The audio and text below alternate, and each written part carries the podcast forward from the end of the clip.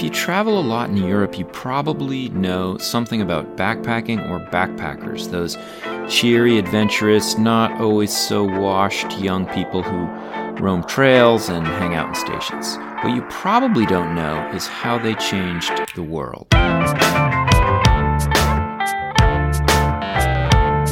It's time to eat the dogs. I'm Michael Robinson. Today, Richard Ivan Jobs talks about the rise of backpacking in Europe after the Second World War. Jobs argues that youth travel helped create a new European culture after the war, contributing to the integration of Europe during the 1960s and 1970s. Jobs is a professor of history at Pacific University. He's also the author of Backpack Ambassadors How Youth Travel Integrated Europe, recently released by University of Chicago Press.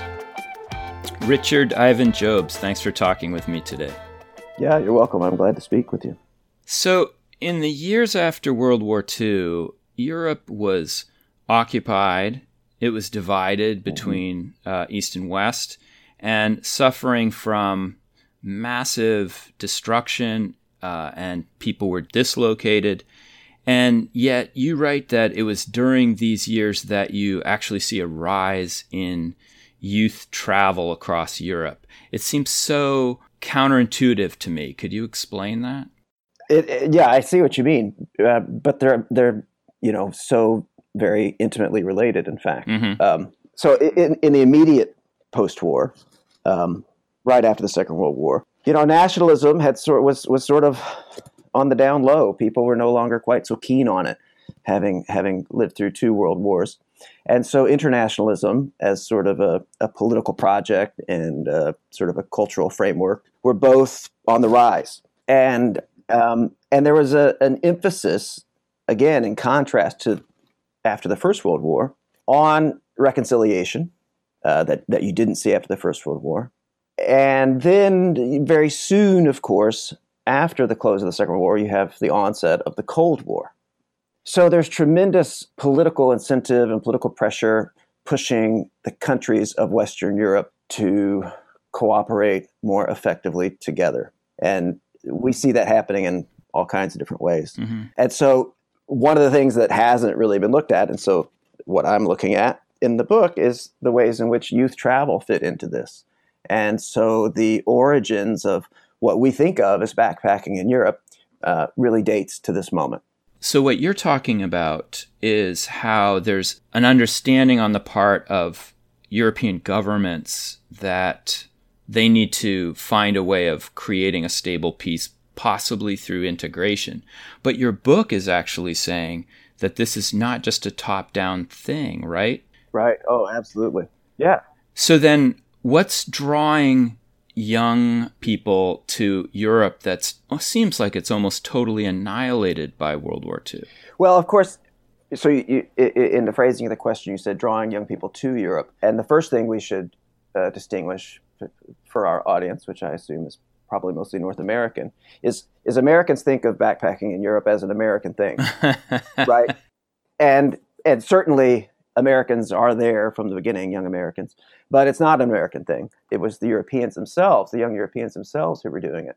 And so, uh, uh, among the variety of things that happens right after the Second World War, you have a host of volunteer grassroots organizations that set up all sorts of youth camps and reconstruction camps mm-hmm. um, all over Europe uh, that young people participate in, trying to reconcile. And, you know, they're not doing like they're not building bridges and, and major engineering things, but all kinds of cleanup and, and minor construction. And, um, and, and these things themselves were international, right? So, mm-hmm. and a lot of them were located in Germany, but not only in Germany. Young people from all over Europe volunteer and come together in these multinational groups to do this. And then, of course, I talk about at some length the the pretty profound shift in youth hosteling that happens. Youth hosteling had begun in Germany prior to the war, prior well prior to the First World War actually. But really, in between the world wars is when we see youth hosteling take off. But it was very much sort of thought of as a nation building endeavor. And then after the war, it's more about going abroad. Do you get the impression that the young people who are backpacking in those early years are doing so with motives of community service and rebuilding a, a broken Europe. Is that what's primarily driving people, or is it a, a mixture of, of motives? Oh yeah, it's a mixture of motives. I mean, the, the that sort of political intent takes shape, I think, out of the activity itself. You know, this is when hitchhiking becomes a big thing in, by the certainly by the 1950s, and you have uh, the European Youth Campaign, which are young Western Europeans, French, Germans, Italians, and so forth, Belgians, protesting border controls, mm-hmm. where they go to the borders and they'll they'll protest at the customs building, and sometimes they burn them down. And then there's another one uh, where they uh, they actually burn a, a customs officer in effigy, sort of protesting their inability to move freely about the continent. And they connect this as well to um, trying to unite Europe as a unit. So, it, it, it, so for some of them, it is overtly political, uh-huh. but for others, it's it's about uh, you know fun, you know, going abroad and uh, being on one's own. And so, do you feel that that interest in Europeanization is a kind of organic thing that grows spontaneously from youth culture? I mean, I know certainly you, you talk about how it becomes an extremely important set of policies for governments. But are, are, are young people just kind of drawn towards Europeanization? Well, it has its roots in the. It, it's not spontaneous. It, it, has its roots in the interwar period. In fact, there were some efforts to, uh, particularly among young French and young Germans, all sorts of different groups to try to get them together. As does uh, travel itself starts to expand in, in terms of who's traveling in the mid 20th century. I mean, it's not just young people, of course. In the mid 20th century, we see the rise of what we think of as mass tourism, certainly by the 1960s.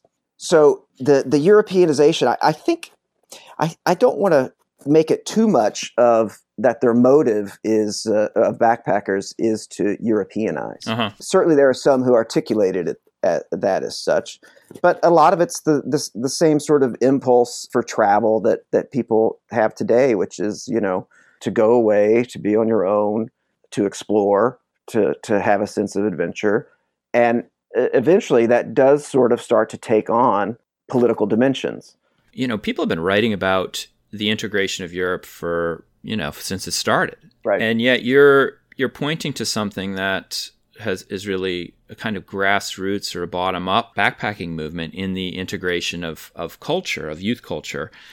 But I was thinking like that's got to be hard. How do you measure yeah. the significance of of these backpackers in the integration or the Europeanization of the continent. It must be really hard to to get a handle on that.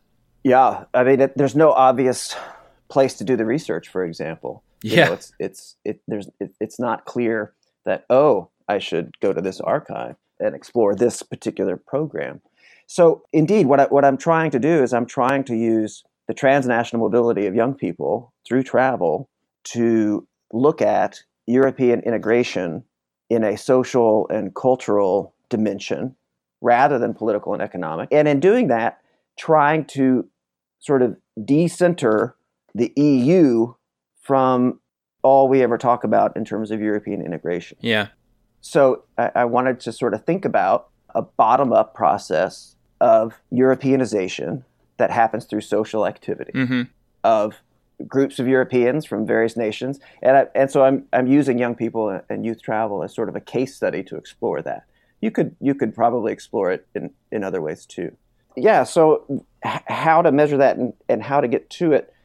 It was kind of instinctive that I felt like there was something there. Uh-huh. I was um, researching my dissertation, I, so I'm a historian of youth, and and came across this data in the 90s that sort of indicated how young Western Europeans were by far the most mobile, uh, the most uh, greatest propensity for foreign travel of anybody in the world. And so I sort of wanted to trace how that came about and think about how that related to the ongoing integration of Europe at the same time we talk a lot in uh, the academy about doing popular culture and grassroots this and you know grassroots that and social history but you know taking as your uh, field of study millions of young people from dozens of nations yeah. kind of colliding over the course of 30 years on the continent is just unbelievably ambitious. So I, I, you know, yeah, I, it's a fool's errand. It's a fool's errand to be sure.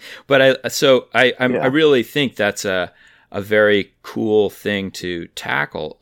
And one of the things that I also f- thought was very interesting, and I'm sure it made your life harder as well, is that the people who are backpacking in Europe that come from these different countries have very different cultural backgrounds. The German youth are very different from the British, and you also talk about how uh, the Italian youth really aren't interested at all in traveling, and the Spanish youth, which are under a dictatorship, are really interested in having backpackers. I mean, could you talk a little bit about the diversity of uh, the culture? So, in terms of who's doing it and um, where they're going and what they're experiencing, how it evolves as a social practice and a cultural phenomenon. It it, begins am, among young people in the north and western parts of Europe, and eventually, through the actual practice of travel itself, starts to spread to the southern and Mediterranean areas and into Eastern Europe, and, and even beyond. So yeah. it starts in different places at different times. The Germans uh, are are into it uh, pretty much from the get go the British are actually quite involved. A little bit later, the French. A little bit later, the Italians. A little bit later, the Spanish.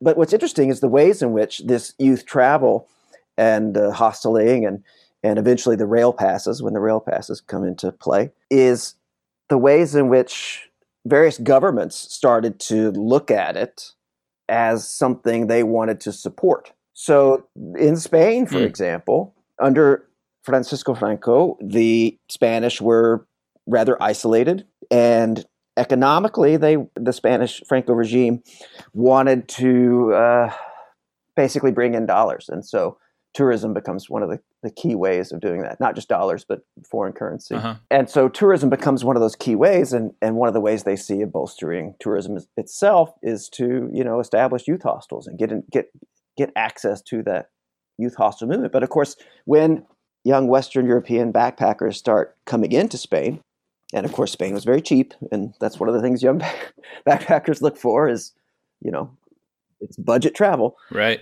They bring with them, right? They bring with them the the bigger youth culture that's starting to emerge. So so that's another, you know, obviously you've read the book. This this this other thread that's in there is the role that youth mobility plays in sort of establishing a transnational youth culture. Just everything that we think of of the 60s and the 70s, uh, particularly focused on music, but not only on music you know they bring that with them to Spain. Yeah. And so Spanish youth start participating. You know, I teach I teach the American History Survey, and uh, when I talk about youth culture in the '50s in the United States, and how that changes over the '60s, and how the civil rights movement changes as well, there are these interesting parallels to what you talk about in backpacking as well. How you have this uh, shift towards more countercultural travel in the 60s. Can you talk about how backpacking changes?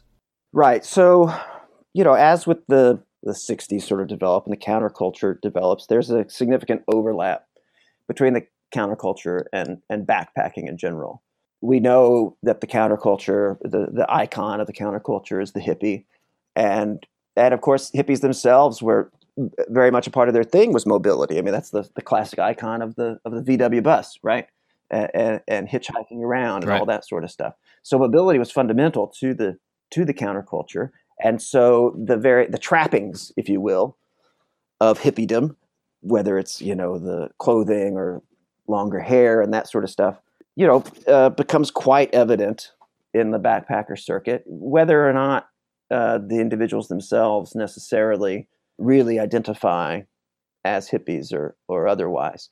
But of course, this encourages a, uh, something of a backlash too. You, you, you, know, the more young backpackers, their travel resembled vagrancy or migration, the more uh-huh. it was forcefully controlled by the state and the more negatively it was perceived by the general public. Yeah, there's some really interesting material in this section on 1960s youth travel. One thing I, I was taken with was, you know, I study history of exploration, and I, in my head as I'm reading, I'm I'm, I'm thinking mm-hmm. very hard about the parallels and the discontinuities of backpacking and other forms of travel, particularly exploration. And as you know, you know the, the word frontier is uh, you know is key to history of exploration in general and history of the American West in particular. You know, and you have you have these these youth, I think in France in 1968 was it, who are you know who are furious mm-hmm. at at uh, at being essentially curtailed by authorities from traveling over borders, and their their slogan is "Les frontières, on s'en fout," which translates "fuck all frontiers." Yeah. Um, and I was just thinking, wow. I, I want I wanted to bring that up with you because I mean, frontier means border in French. So is that what they mean? Screw mm-hmm. the border, or mm-hmm. is there a way in which it has some other resonance as a frontier as well. Sure, it means borders, but it also means boundaries, and it also means frontier. French actually has, compared to English, has fewer words, so their so their their uh, their their words take on actually often, you know, they correspond to multiple words in English.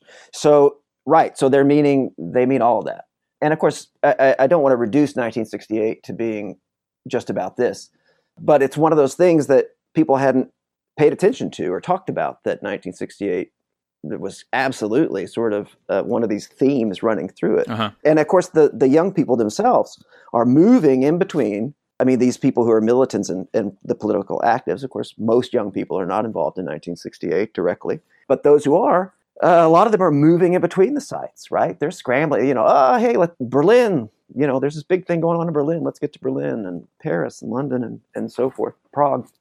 So it's it's a precondition, right? The travel mobility that had developed since the Second World War is a precondition for how 1968 sort of unfolds as this transnational event in these multiple countries with with the young people moving in between and the, the states the governments themselves kind of respond to this they have their toolkit right and their toolkit yeah. for response has to do with the, how they're responding to incoming immigration. So you know it's xenophobic, it's border control. So they throw these border yeah. controls back up. That's, so so there there becomes this tension, this fight over who can cross borders, when, and for what reason.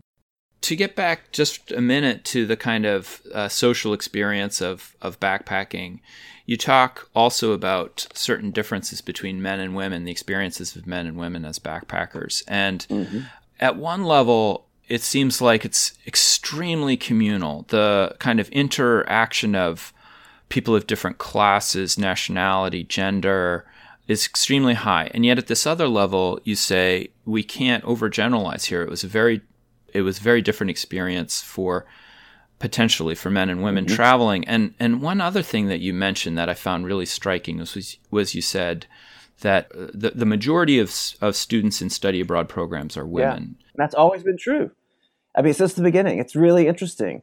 Study abroad started, and just to, to plug Whitney Walton's good work on this in the 1920s, the, the sort of the junior year abroad for young women in the 1920s in France. And, and France actually remains, even today, the, the place with the, with the most incoming study abroad.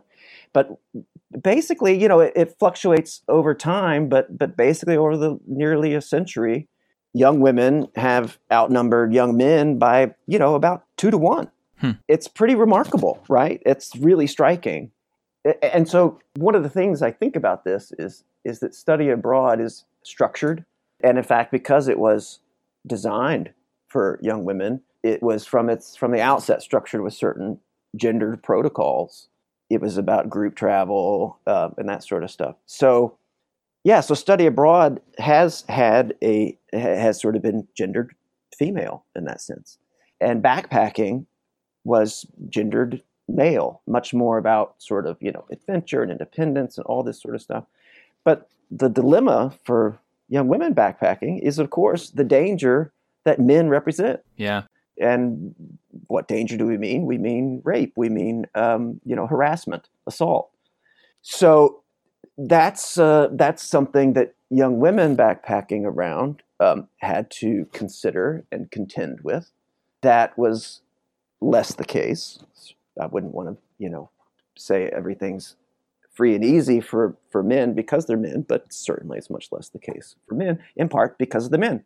You know, uh, there's some interesting. You, you start talking in one of your later chapters about the literature that grows up around backpacking and these kind of uh, Bildungsroman experiences of young people and finding themselves in Europe. And how uh, central travel seems to so many of these texts. And I can't remember, I think it might have been Bouvier who was saying traveling mm-hmm. outgrows its motives. It soon proves sufficient in itself. You think you're making a trip, but soon it's making you or unmaking you. That's a great. Yeah. It's a great line. And yeah, then at the it is a great line. It's a great book. Um, I don't know if have you read that. I have not. It's wonderful. Yeah. Uh, the title of it is uh, "The Way of the World." Way of the World, l'usage du monde. And, and, but there's a line at the end of this where you're talking about this, and you said, "In a sense, being young is being mobile, and being adult is being settled." Mm-hmm. And I was thinking, yeah, that is a kind of, uh, let's say, a truism we talk about with youth and and being a being young and being older. But at the same time, I'm thinking that's also a way that you could describe, let's say, the domains of men and women in the 1800s, mm. right? That's sure. that that could also be used to describe separate spheres. Yeah, and I, I don't know how if if those things connect at all. Uh, I just I just thought it was very interesting the way you framed that. Yeah, absolutely. So mobile practices historically have been gendered, right? And the the classic ideology of separate spheres was was in part based specifically upon that, right?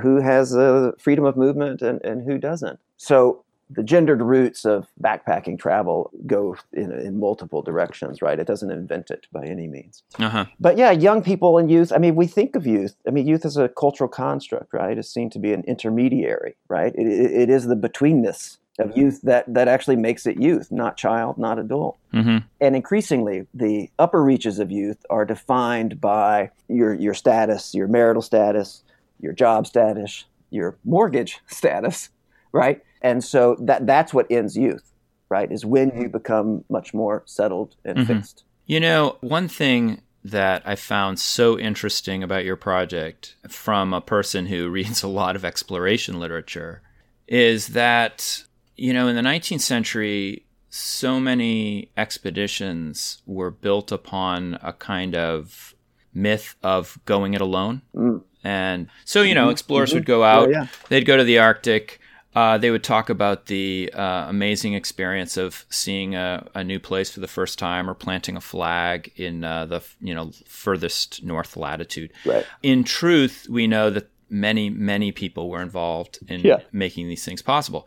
And in your project, these expeditions are also, in a way, voyages of self discovery yes. or these travels. Yes. And yet, youth are not uh, necessarily sightseeing. It mm-hmm. sounds to me that uh, it is the very communal aspect of youth travel in backpacking in Europe that makes it interesting to other right young people. Right. So could could you talk about that? It just seems such a difference in in structure. Right. Part of the part of the whole point of it is to be with other backpackers. I mean, that's that that's one of the main things that differentiates it from tourism more generally is that the young people are seeking each other out in these enclaves. And sightseeing, you know, continues to be important uh, component of this form of tourism. But above all, they're they're going to participate in a communal activity, and so that's you know one of the things I I'm trying to describe as an integrating process is this communal activity. Yeah. This backpacking, it transcends state boundaries. It's all over Western Europe and spilling into Eastern Europe and across the Mediterranean and, and frankly across Southern Asia as well in, in sort of a neo colonial way. And so they're attracted to others like themselves. And mm. so so it does form a, a very loose, a very associational community. What I talk about as a community of practice. That is these I mean backpacking travel, everything that we think about it, it's it's not natural, right? It's invented and it's a learned. Yeah. These are practices that they learn and, and share. And in doing so, sort of declare themselves members of this community yeah, and so it's something that's done together and becomes uh, ritualized. So, this generation of backpackers, those that were backpacking in the 50s, are probably in their 80s now. But let's say in the 60s, these are now mm-hmm. the more settled baby boomers mm-hmm. of Europe. Yeah. I'm wondering, what are the attitudes of this generation now? I mean, it's it's probably an impossible question for you to answer, but I'm just wondering: mm-hmm. Are these backpackers the ones voting for Brexit and uh, you know protesting uh, immigration to Europe right now, or do they retain mm-hmm. some of that uh, experience of youth as they think about uh, their lives, think about Europe? Well, this is speculation, of course, because uh, uh, you know I don't I, I don't have data. I mean, I do have data that says that Europeans today the, the things that they value most about the European Union and European integration is freedom of movement. I mean, a data point after data point, survey mm. after survey suggests this. And what's amazing about that is that that's a, what comes in second is peace. So peace comes in second yeah. to freedom of movement. Yeah. Now, I think part of the dilemma in Europe right now is in part a success of the integration that I talk about the crisis as a result of the success. The, the, the mobility, the freedom of movement that was achieved was uh, young, it was middle class, and it was white. And so now the, the, the crisis of uh, immigration and migration and refugees, you know, they're poor and not white, and uh, for the most part. And so the the freedom of movement, as it developed and as it was established, hadn't accommodated for that. And so now part of the tension that we see there is because of that. Yeah. Now, as far as some of these older former backpackers who are now older, you know, I'm pretty sure, I mean, I, am not a political scientist, but it seems to be fairly well established that people become more conservative, and vote more conservative the older they get. Mm-hmm. So probably, yeah, some of these people who were all keen on this 30, 40 years ago are no longer quite so keen. However, we still see, even in the case of Brexit, a couple of things are worth pointing out. After the Brexit vote, all the data started coming out, and it was very clear the younger you were, the more traveled you were, the more educated you were, you voted to remain. Yeah. And young people immediately started protesting. They were shocked at this at the result of the vote, and they immediately started protesting in London because they wanted to protect their freedom to work travel and study abroad. And then, secondly, the other thing about Brexit that's really speaks to the kinds of things I'm talking about is the people in Northern Ireland and in Ireland, that border, which has become a, one of the big sticking points for mm-hmm. the Tory government to, to deal with in their Brexit negotiations. The people who live along that border see that it being open is fundamental to their national security, to their peace and security. And they fear that, that hardening that border is actually going to uh, create problems and create violence. Yeah. So you were a backpacker. I was. And you traveled to Europe. And so it makes me wonder did your backpacking experiences shape aspects of this book, or did writing the book allow you to rethink and reframe the travel you did when you were younger? Well, first of all, I should say that I decided to go to graduate school and get my PhD while backpacking in Europe in 1990. Yeah, it was. It was. I was a history major. It was uh, just before my senior year of college. My parents had in their heads that I was going to go to law school, but it was never something that I I really was keen to do. And backpacking around, and I just loved it. I loved backpacking around Europe, and I was like, I want to come back. Uh, how can I come back? And I thought, well, you know, I'll I'll go to graduate school and and uh, I'll study European history in graduate school, and I'll get to come back. So first of all, that that's a pretty huge, yeah. you know, life changing decision. And then when I was a graduate student, living in Paris, researching my dissertation, some friends of mine visited, and we traveled to Amsterdam, where I had been before a couple of times as a backpacker. And while I was there, I was thinking, gosh, I love Amsterdam. I love the canals. I love the canal houses. I love how gritty it is. I, I still am very, very fond of Amsterdam. And was thinking it would be great to, you know, spend more prolonged amount of time here. And so, and so, uh, and so I thought, oh, maybe I could do, what if I could, could I do a research project that would bring me here? And, and then I started thinking, well, wait a minute. Could I do a research project that would take me, uh, you know, all over Europe? Yeah. And that's actually how the idea for the whole project was was to enable my own sort of uh, European travel. I love it. I spent a couple years abroad after college. I, I uh, worked in Egypt at a high school for two years on a volunteer program, and you know, at wow. the time, you just you're kind of doing your mm-hmm. thing. And I, you know, I started graduate school about four or five years later, and it was really only in the process of doing my dissertation did I actually look back and say, "Oh my God!" You know, I can really see the kind of um, things I was soaking up from my environment about you know being a young man in the mm-hmm. world and going it alone and um, you know the stuff I was reading was like you know the the young man's library of self discovery, you know, uh, Somerset Maugham and yeah. Steppenwolf. And yeah, yeah. it's just very interesting reading um, yeah. your book. It's just uh, it's it's so interesting from a historical point of view, but I actually think a lot of your readers are going to find